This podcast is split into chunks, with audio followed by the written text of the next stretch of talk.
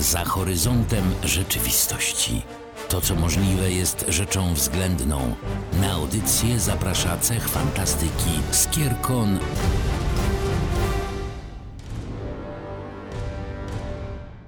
Dzień dobry, cześć i czołem. Niedziela, więc portal. Dzisiaj audycja, taka, która może mieć coś wspólnego z kartkami z kalendarza, ale można ją sobie zupełnie indywidualnie rozpatrywać jako absolutne delektowanie się biografiami super bohaterów i super łotrów. Dzisiaj witają Was Chili i Saladyn.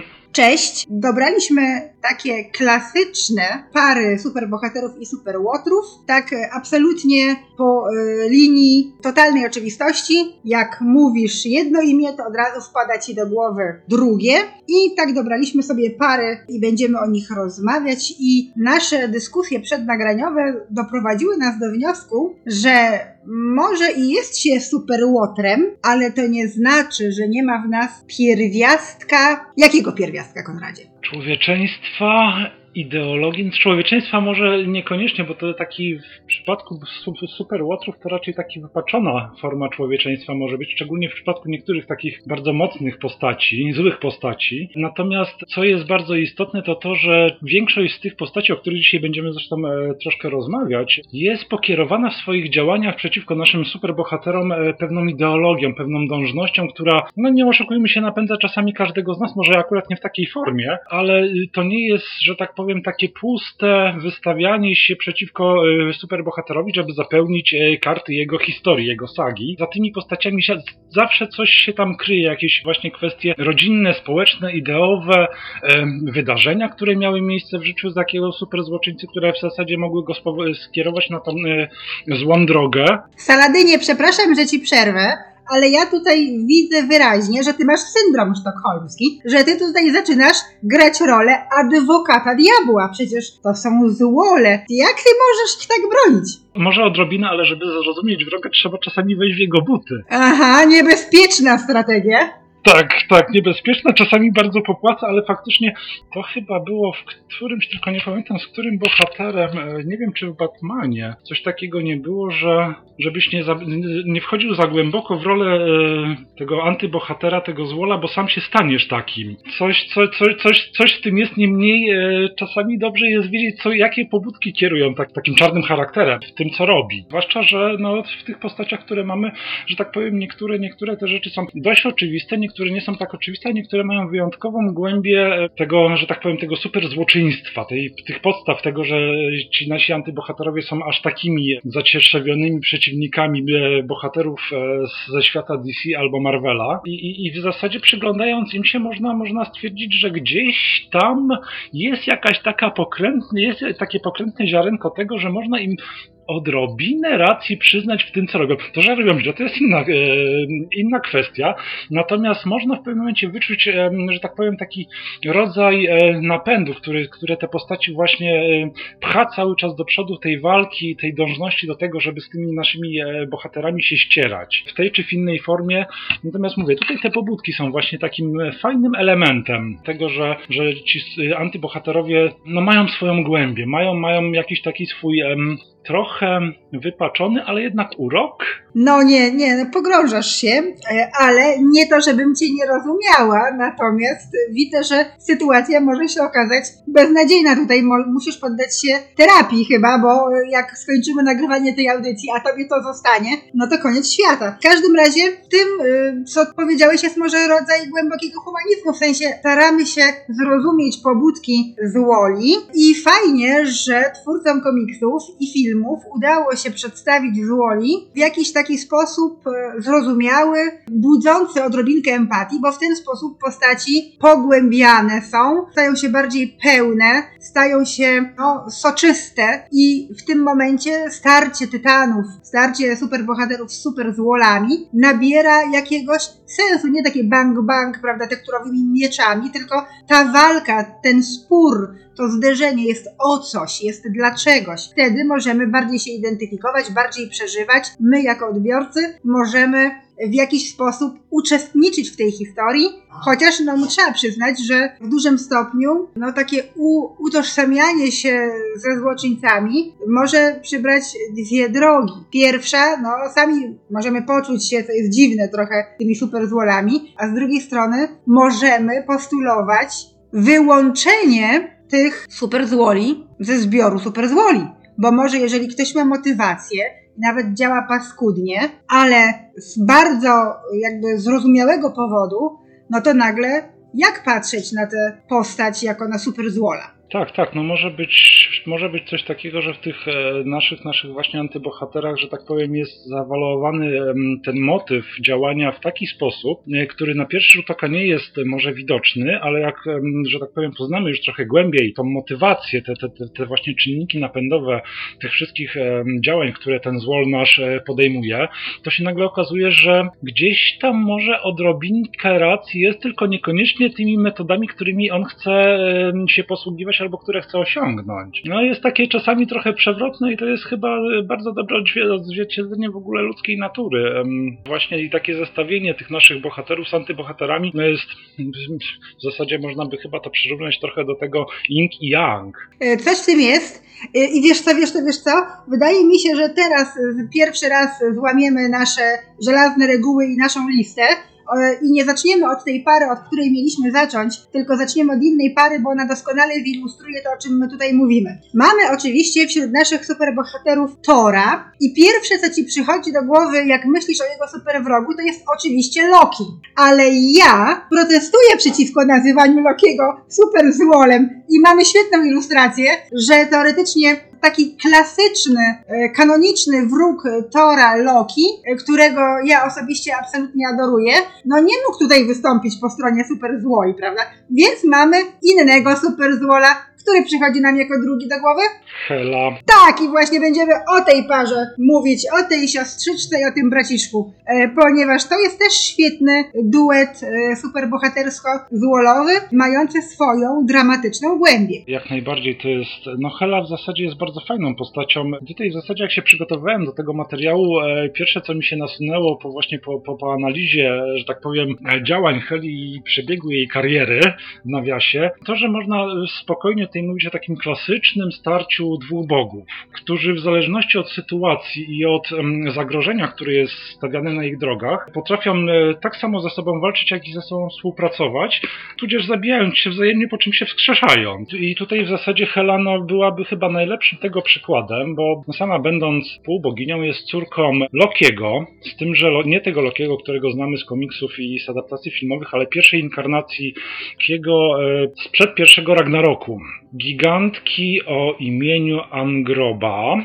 I tak właśnie powstaje nasza Hela, która dostaje od Odyna władanie nad Królestwem Śmierci i Nilfheimem. Tutaj ten Hel nie taki typowo angielski, bo bez jednego L, ale tak, ale ona obejmuje właśnie we, we władanie te dwa królestwa i w zasadzie cała jej dążność prowadzi do tego, żeby bierać te dusze poległych Asgardczyków i, i próbuje w jakiś tam sposób za każdym razem zagarnąć jak najwięcej władzy dla siebie, rozszerzyć to swoje panowanie tego swojego mrocznego królestwa, wchodząc bardzo często właśnie w e, konflikt e, i z Odynem, i Storem. A w filmie, taki, bo wśród naszych słuchaczy są nie tylko czytacze komiksów i mitologii nordyckiej, ale także oglądacze filmów, e, warto powiedzieć, że w filmach sytuacja jest jeszcze bardziej patologiczna, ponieważ w filmach Hel, Hela jest jeszcze na dodatek córką Odyna, zamkniętą w więzieniu, ponieważ już jest tak jakby zapamiętała w walce, w wojnie i niesieniu zagłady, że Odyn uważa ją za zagrożenie i zamyka ją w ciupie na tak, tak, tak, tak długo, że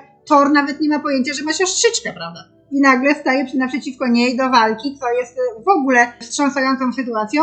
Te przygody Heli w komiksach no też tchną taką rozpaczą. Heli pragnącej, że tak powiem, wyjść z tych podziemi na świat. No jej motywacja jest tutaj może trudna do zaakceptowania, ale też trudna do zakwestionowania. No kto by tam chciał siedzieć e, w podziemiach e, całe swoje życie.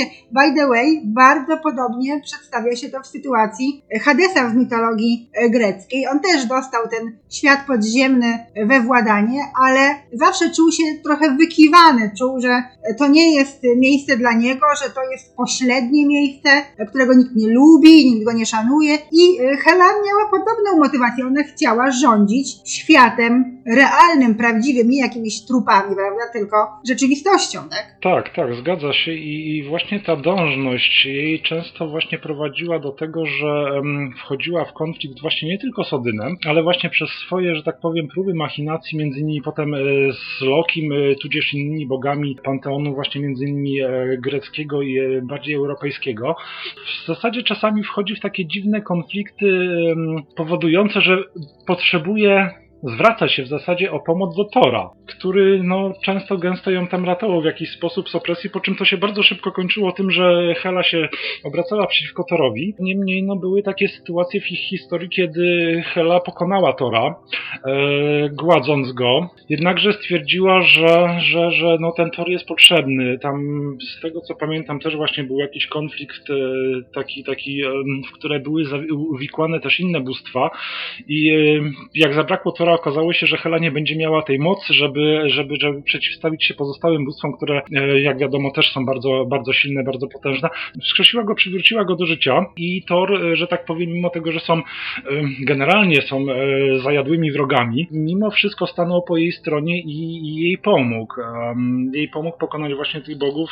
W zasadzie takim chyba najbardziej znamienitym przypadkiem była napaść armii Osborna, jeżeli się dobrze, jeżeli dobrze pamiętam, właśnie na Asgard. I tutaj Hela bardzo mocno korzystała z pomocy Tora w momencie, kiedy musiała odzyskać, znaczy nie chciała, żeby dusze Asgardczyków poległych e, w obronie Asgardu, żeby wpadły w ręce e, innego bóstwa, Malekita.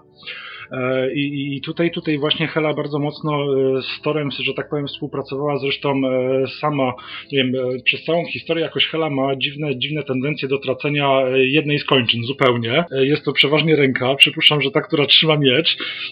W każdym bądź razie tak, tak.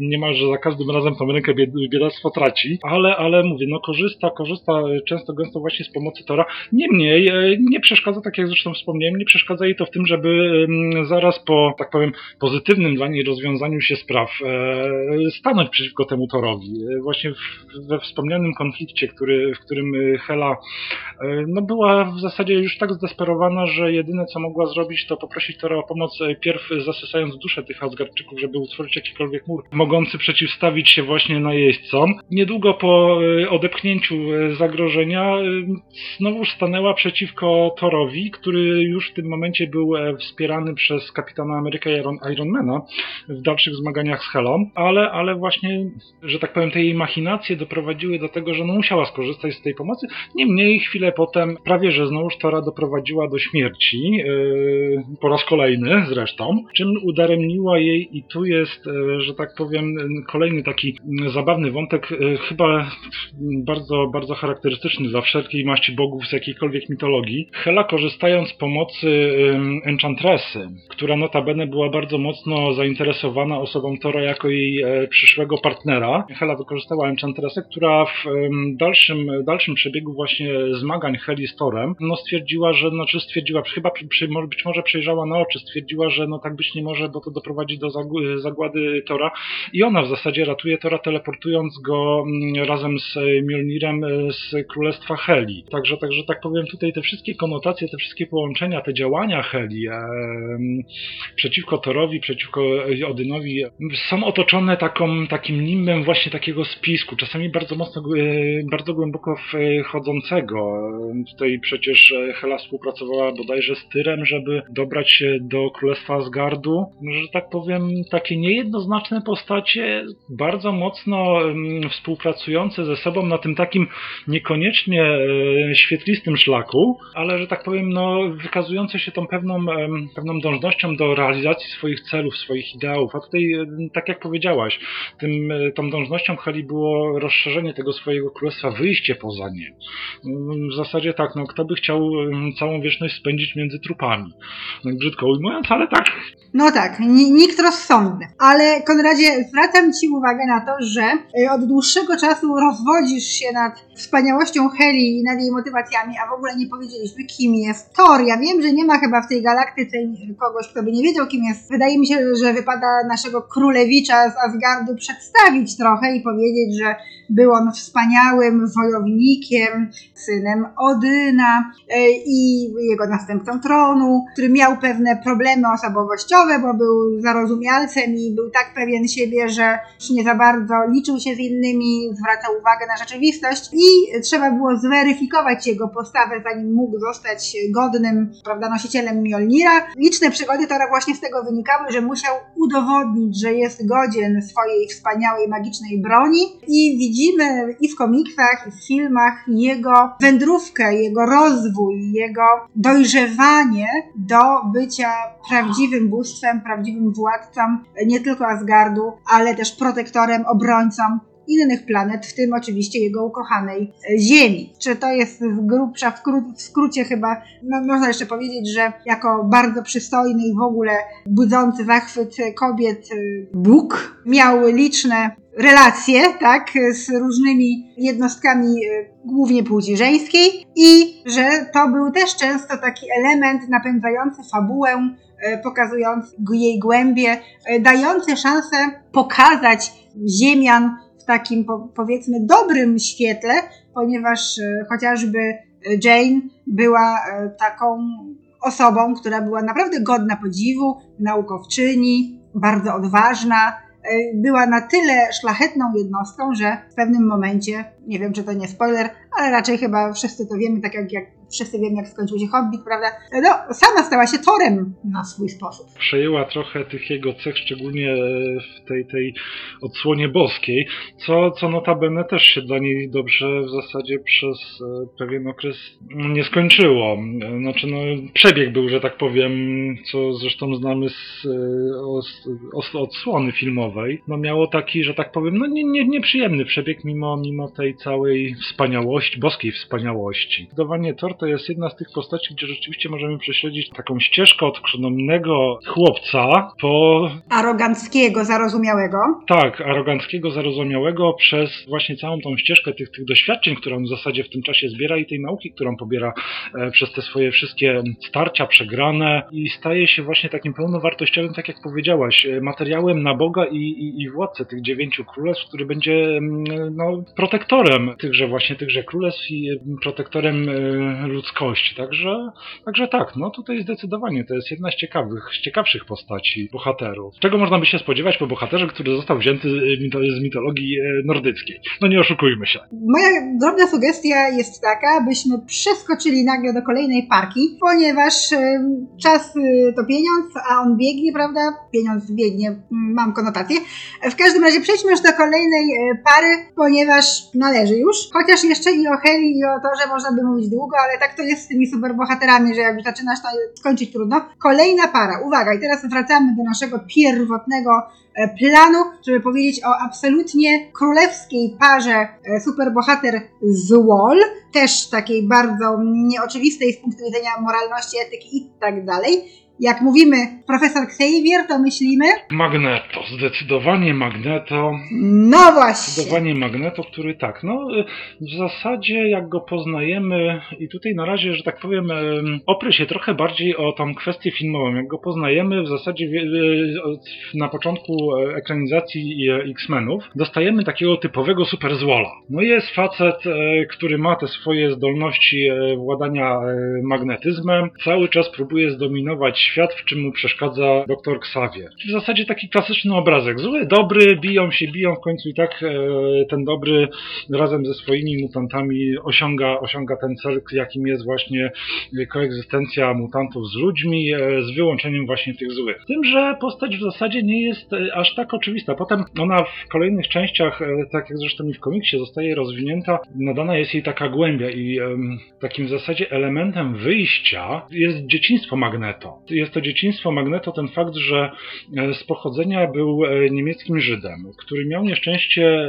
wychowywać się, dorastać w okresie przedwojennym, przed II wojną światową i w zasadzie ta druga wojna zaczęła w jakiś sposób kształtować razem z rozwojem jego zdolności, jego, jego, jego zdolności nadprzyrodzonych, zaczyna kształtować pewien sposób postrzegania świata, interakcji z tym światem. E, co zresztą jest bardzo fajnie ukazane w filmie, właśnie to, to, to, ta, ta próba wykorzystania przez Niemców, przez nazistów e, tych jego zdolności do celów wojskowych, e, ten, ta, ta próba przez przeciwstawienia się właśnie przez Magneto wykorzystywaniu tych jego niezwykłych, jak, jak, jak najbardziej niezwykłych zdolności. To potem się przekształca już po spotkaniu właśnie przez Magneto Xaviera, to się przekształca przecież w no niezwykłą przyjaźń. Nie oszukujmy się, niezwykłą przyjaźń, która skutkuje, która skutkuje właśnie powstaniem, założeniem szkoły mutantów przez e, profesora Xaviera. I tutaj, e, że tak powiem, też mamy bardzo, bardzo, że tak e, powiem, plastyczny, bardzo fajnie przedstawiony właśnie ten, ten cały proces um, tworzenia tej szkoły, tej przyjaźni, tego kształtowania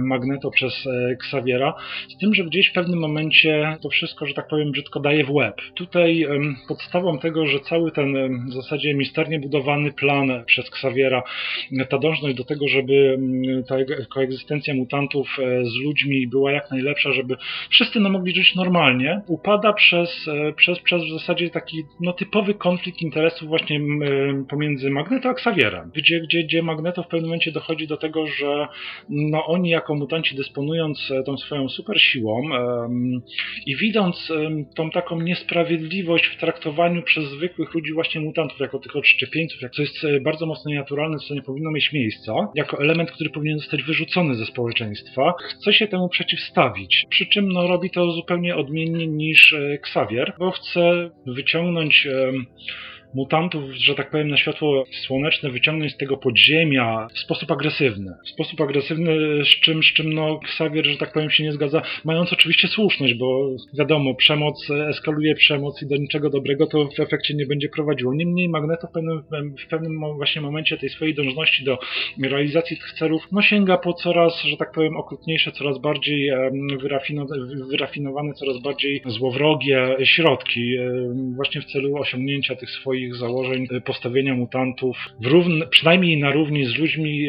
Potem, y, zresztą potem jakoś tak nawet próbuje chyba sobie uzurpować troszkę władzy albo, albo zdolności boskich, żeby jednak tych mutantów postawić jeszcze wyżej na, na drzewie ewolucji. Nie tyle na drzewie ewolucji, bo raczej trudno wątpić w to, że pod wieloma względami mutanci są doskonalsi od zwykłych ludzi. On nie tyle chce jakby to udowodnić, bo to się samo udowadnia, natomiast chce wywalczyć nawet brutalnymi metodami supremację superbohaterów, mutantów ponad, ponad ludźmi. Chce uczynić z nich władców władających szarą masą zwykłych ludzi, na co Xavier nie chce się zgodzić, inaczej widzi te możliwości, raczej widzi mutantów w służbie całej ludzkości, niezależnie od tego, czy jesteśmy szaraczkiem, czy jesteśmy supermocnym mutantem. Raczej jesteśmy równi, a jeżeli ktoś ma nieco więcej mocy niż inni, powinien tą mocą służyć ku powszechnemu dobru to jest takie, powiedziałabym, bardzo pozytywistyczne treści, bo tak też myśleli pozytywiści nasi tutaj XIX-wieczni, że jeżeli masz trochę więcej światła niż inni, nieś to światło i zapalaj kaganki, prawda, innym, a nie trzymaj dla swojego tylko dobra to całe światło, które masz. Więc tutaj Xavier robi kawał dobrej roboty i też myślę, że warto wspomnieć, że Magneto jaki jest, taki jest. Rozumiemy, dlaczego mógł się taki stać, ponieważ jego przeżycia z dzieciństwa i młodości były wprost traumatyczne i były to naprawdę przerażające, okrutne doświadczenia, które mogły spokojnie go zmienić i to nie na lepsze chociaż ewidentnie z komiksów i filmów wynika, że nie jest to e, jakby, że to nie powinien być koniec, że on powinien naprawdę po prostu popracować nad sobą, może terapia, e, może cokolwiek innego, ponieważ on pozwolił sobie, usprawiedliwił tę gorszą cząstkę swojej natury do czynienia prawdziwego zła, do traktowania bez szacunku ludzi, do zwykłych przestępstw typu kradzieże złota. Była taka przygoda, pamiętam, to było, to było niedługo po poznaniu Xaviera z Magneto. Oni wspólnie w Izraelu próbowali, o ile sobie przypominam, zdobyć, odzyskać ukradzione złoto, które powinno posłużyć społeczności międzynarodowej Żydów, a zostało e, no, ukradzione.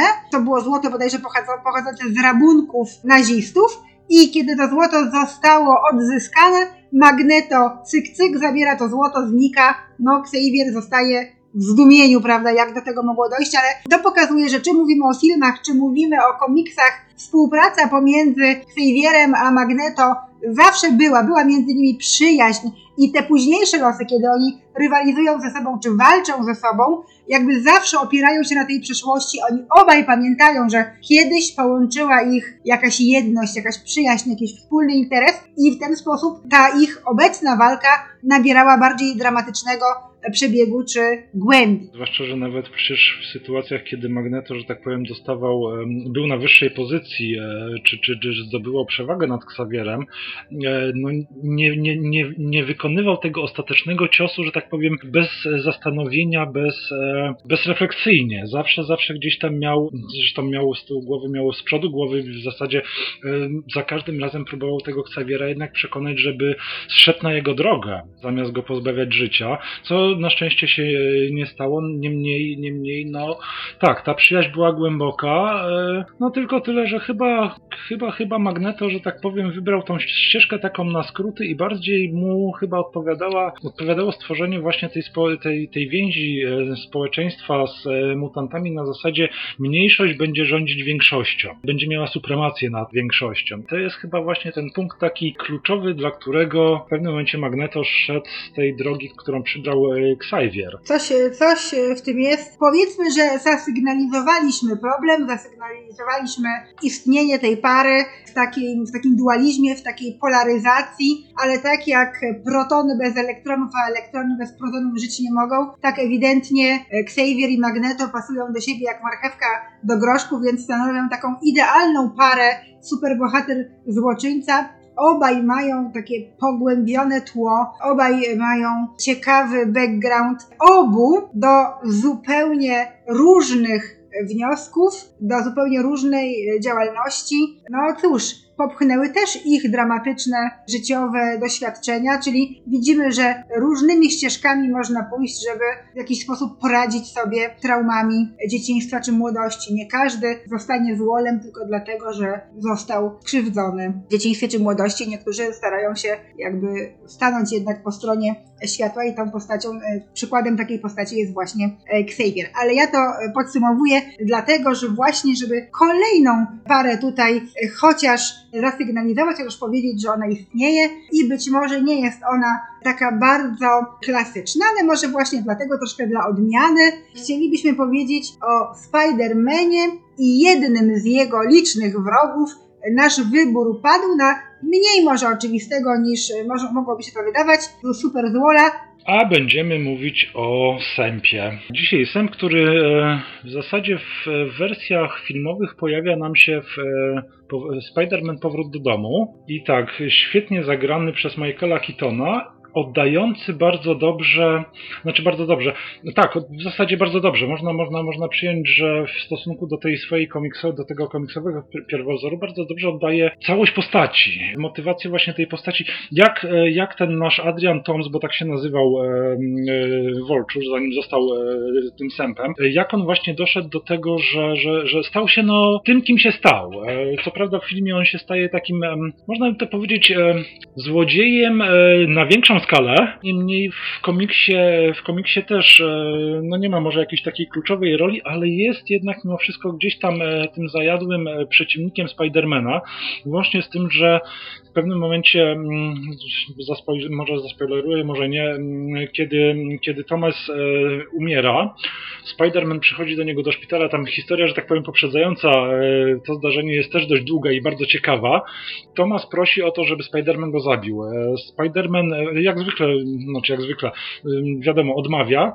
E, Thomas podkręca go w ten sposób, że Spider-Man w końcu e, bierze poduszkę i próbuje naszego, naszego sępa zadusić. Ten e, zaczyna wierzgać, na co Spider-Man, mm, Spider-Man właśnie zaprzestaje duszenia Thomasa i, i stwierdza, że jak na kogoś, kto bardzo chce umrzeć, jest bardzo żywotny. Nasz Vulture, że tak powiem, przeżywa, przeżywa to spotkanie z, ze Spider-Manem. Niemniej początki Vulture'a też są bardzo fajne, bo znaczy bardzo fajne, bardzo ciekawe, bo w zasadzie z człowieka bardzo uzdolnionego technicznie, wręcz e, niemalże geniusza, inżynierii, przez pewien splot wydarzeń i, i rozczarowanie współpracą e, z e, człowiekiem, który nosił e, miano Beastman, Vulture popada, popada właśnie w tą ścieżkę przestępstwa.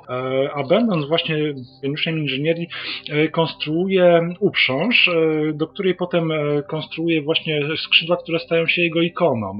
Stąd, stąd właśnie ta nazwa Vulture, do której się bardzo potem przywiązuje, jest e, nawet bardzo zły i szuka zemsty na człowieku, który kradnie jego imidż. Postać, która w zasadzie, że tak powiem, no, też przeszła pewną e, taką ścieżkę pomiędzy zwykłym, normalnym człowiekiem, który prowadził normalne życie, wszak, wszak e, no, miał, miał żonę, miał, dorobił się dzieci. Zresztą jedna z y, jego wnuczka też, też, też zostaje czymś w rodzaju takiego super złoczyńcy, może nie super złoczyńcy, ale złoczyńcy, który gdzieś tam w walkach z, ze Spider-Manem też się przywija, może nie jakoś tak bardzo e, dramatycznie jak Vulture, ale jednak, e, mówię, to takie fajne nawiązanie pomiędzy komiksem a, a filmem, gdzie e, nasz Vulture staje się właśnie tym Vulturem przez to, że zostają wypchnięci z odzysku tego materiału obcego, który zalegał w Nowym Jorku po starciach Avengersów, staje wypchnięty z biznesu przez e, tarczę. I, I że tak powiem, to go łamie, to go przekonuje do tego, że no tak być nie może, on ma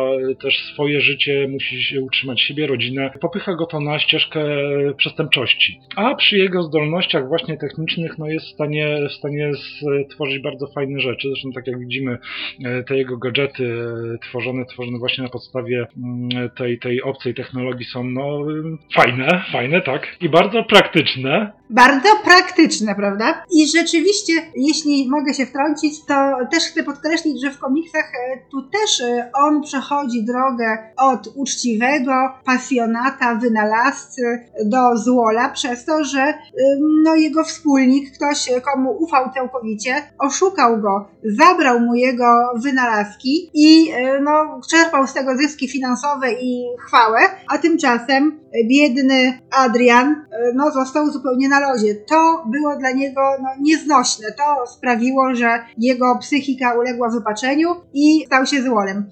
Kolejna sytuacja, w której to skrzywdzony człowiek szuka zemsty, szuka zadośćuczynienia swoich krzywd, szuka jakiegoś takiego, powiedzmy, no, uznania, które zostało mu odebrane, ale robi to w taki sposób, który nie znajduje usprawiedliwienia, ponieważ i filmowy sęp, i sęp komiksowy po prostu swoimi przeszłymi nieszczęściami usprawiedliwia obecne zło. I tak jak ten sęp, powiedzmy, z filmów, no po prostu specjalizuje się w kradzieży obcej technologii i przekształcania jej gadżety, które może intratnie sprzedać, tak sęp z komiksów staje się po prostu zwykłym rabusiem, który okrada sklepy jubilerskie, banki, po prostu staje się złodziejem, z którym Spider-Man walczy, walcząc o mir społeczny. To e, po prostu tak jak w jakimś westernie, o, o, w, gdzie mamy bandytę i szeryfa, tak tutaj po prostu, nie wnikając w motywację,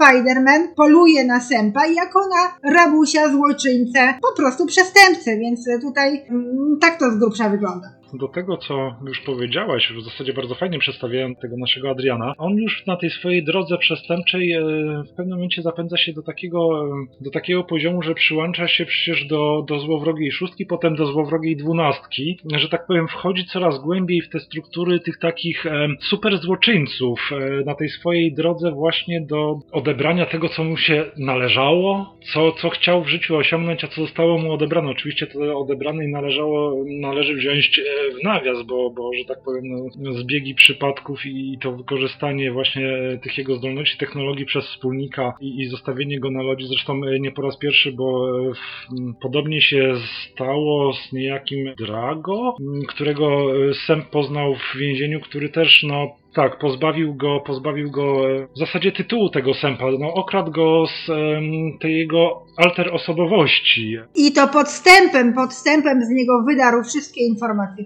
Je, jedynego, czego nie można odmówić sępowi, to te, tego, że był e, człowiekiem bardzo mściwym. Nie pozostawiał, że tak powiem, e, swoich spraw e, nie, niepowetowanych. także, także tutaj tak.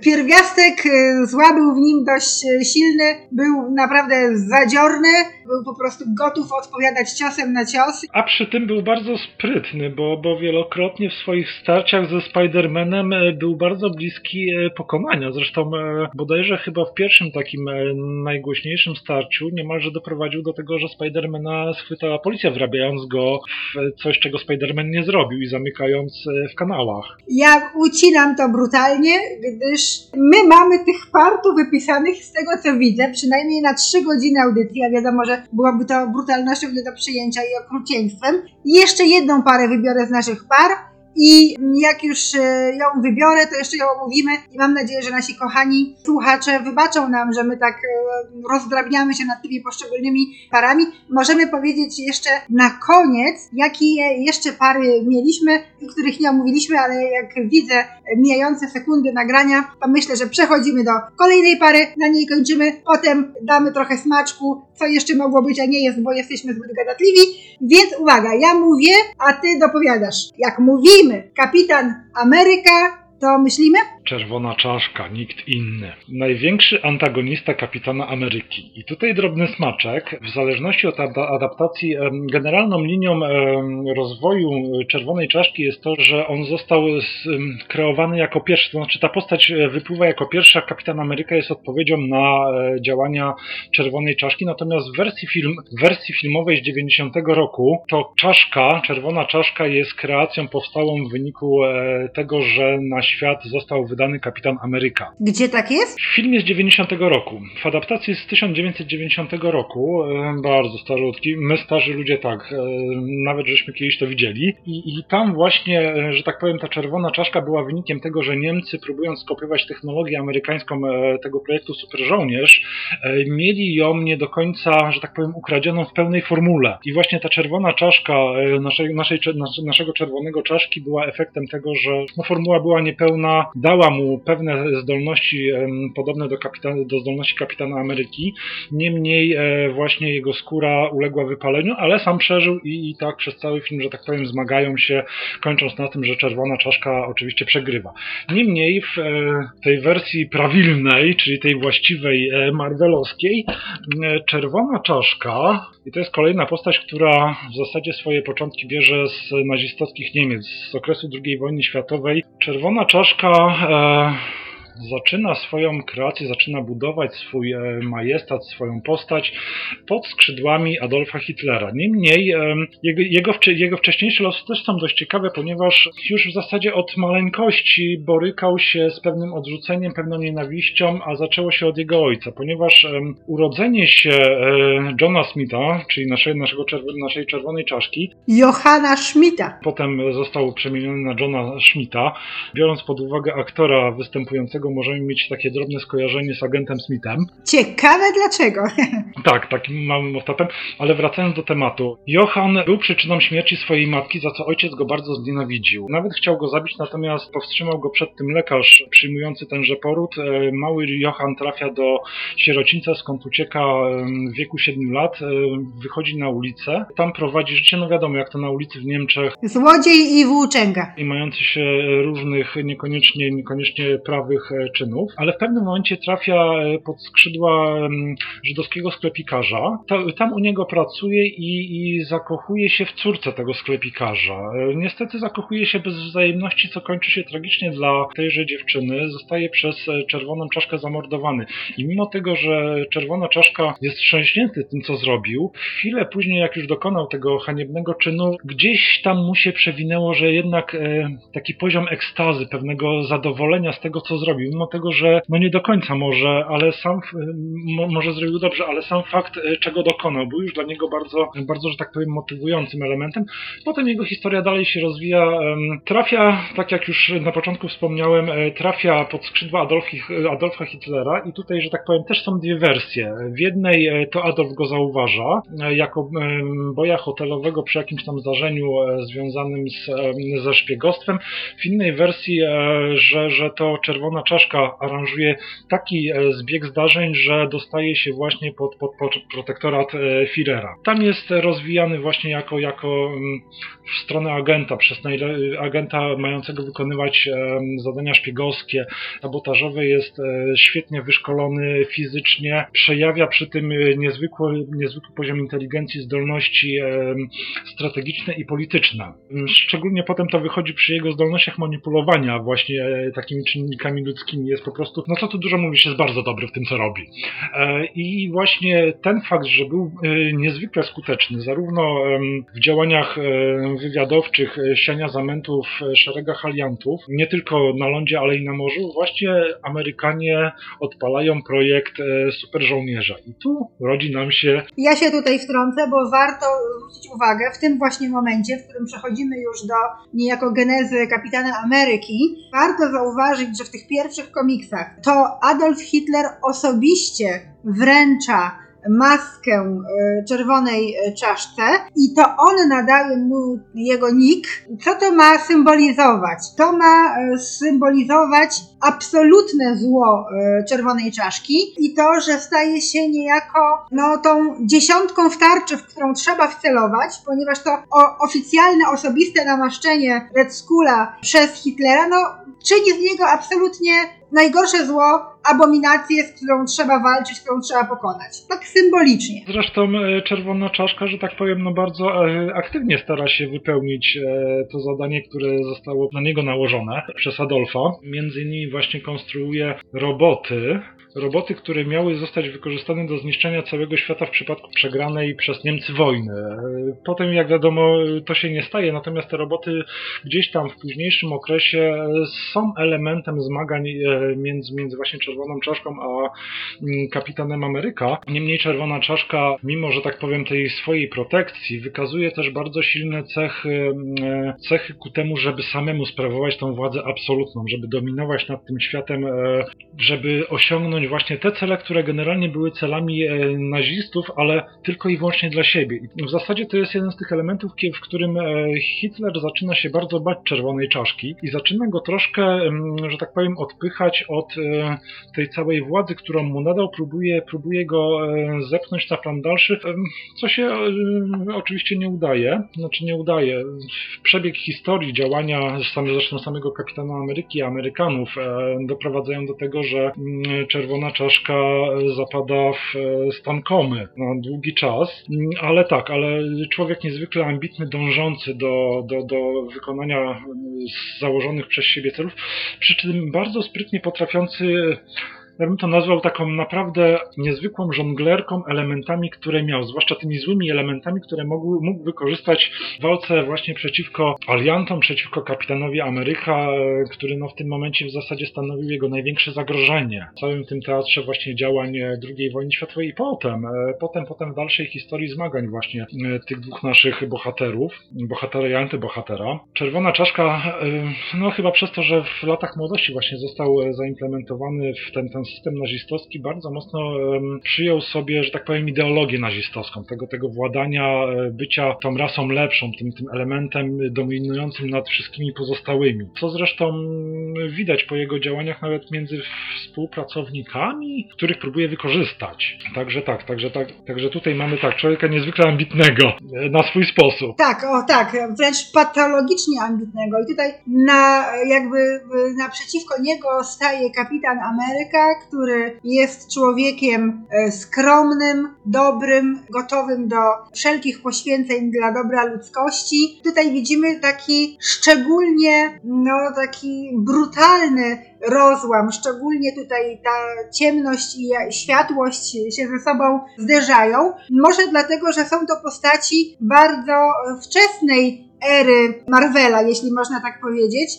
Przecież Kapitan Ameryka i Red Skull to jedni z pierwszych e, bohaterów tego całego niezwykłego uniwersum. W związku z czym tutaj te różnice pomiędzy superbohaterem a superłotrem są najbardziej widoczne. To nie był jeszcze czas na niuanse. Tutaj zło miało być złem, a dobro miało być dobrem. Dlatego właśnie Kapitan Ameryka jest pełen szlachetności, najlepszych odruchów, jest pełen współczucia, y, lituje się nawet nad czerwoną czaszką przecież. Niejednokrotnie po prostu ręka mu zadrży, zanim zada y, ciosy, no to w wielu komiksach miało miejsce. W każdym razie tutaj y, widzimy Kapitana Amerykę jako kwintesencję tego, co dobre, co prawe, co szlachetne i naprzeciwko niemu stoi naprawdę taka społeczna patologia totalna, pozbawiona wszelkich skrupułów, wszelkiej moralności. Tak, uciek uciekający złem takim total, totalnym, absolutnym, e, niezaprzeczalnym złem, które, które no musi, musi, któremu trzeba przeciwstawić coś. Absolutnie dobrego, tak? Powa klasyczna e, zestawienie dobra ze złem właśnie w postaci dwóch bohaterów na kanwie no, e, wydarzeń właśnie, e, które niosła ze sobą druga wojna światowa. Zresztą obydwaj bohaterowie na tym oparci. Chociaż e, zważywszy na to, e, jak rozpoczęło się życie e, Red Skula, możemy myśleć, że te pierwsze chwile jego życia, kiedy jego matka umiera, wydając go na świat, a ojciec próbuje zabić, no jeśli to nie są warunki, w których y, ludzki charakter i ludzkie serce łamią się na zawsze, no to już nie wiem, co mogłoby tym być. Ale na tym musimy poprzestać, a jeszcze chciałam tylko zdradzić y, sekrety, o czym nie udało nam się porozmawiać. Być może w jakiejś innej audycji do tego wrócimy, bo jeszcze z Marvelowych bohaterów mamy Daredevila i Kingpina jako taką, no, kanoniczną parkę. Mamy jeszcze e, przeciwstawienie Thanosowi Ironmana, to jest też duet, o którym warto byłoby powiedzieć. No i mamy jeszcze na deserek, którego nie zjecie dzisiaj, poprzestaniecie na zupie z tego co widzicie. Mamy tutaj jeszcze Batmana i Pingwina, jako taką parkę z kolei z uniwersum DC i Supermana oczywiście, walczącego z Lexem Luthorem. Więc tak, o takich jeszcze przysmaczkach planowaliśmy dzisiaj porozmawiać, ale jak widzicie, to się nie udało. Natomiast bardzo, bardzo dziękujemy Wam za to, że byliście z nami przez e, te wszystkie e, minuty. Słuchaliście nas. E, mam nadzieję, że macie mnóstwo do powiedzenia, mnóstwo do dodania i mnóstwo do zaprzeczenia. Piszcie w komentarzach i zapraszamy Was również do wysłuchania poprzednich audycji portalu, które można znaleźć na Spotify'ach i na YouTubach. Bardzo serdecznie Was do tego zachęcamy. Trzymajcie się. Do usłyszenia w następną niedzielę. Dzięki Saladyn za świetną audycję. Pa! Również dziękuję. Do zobaczenia.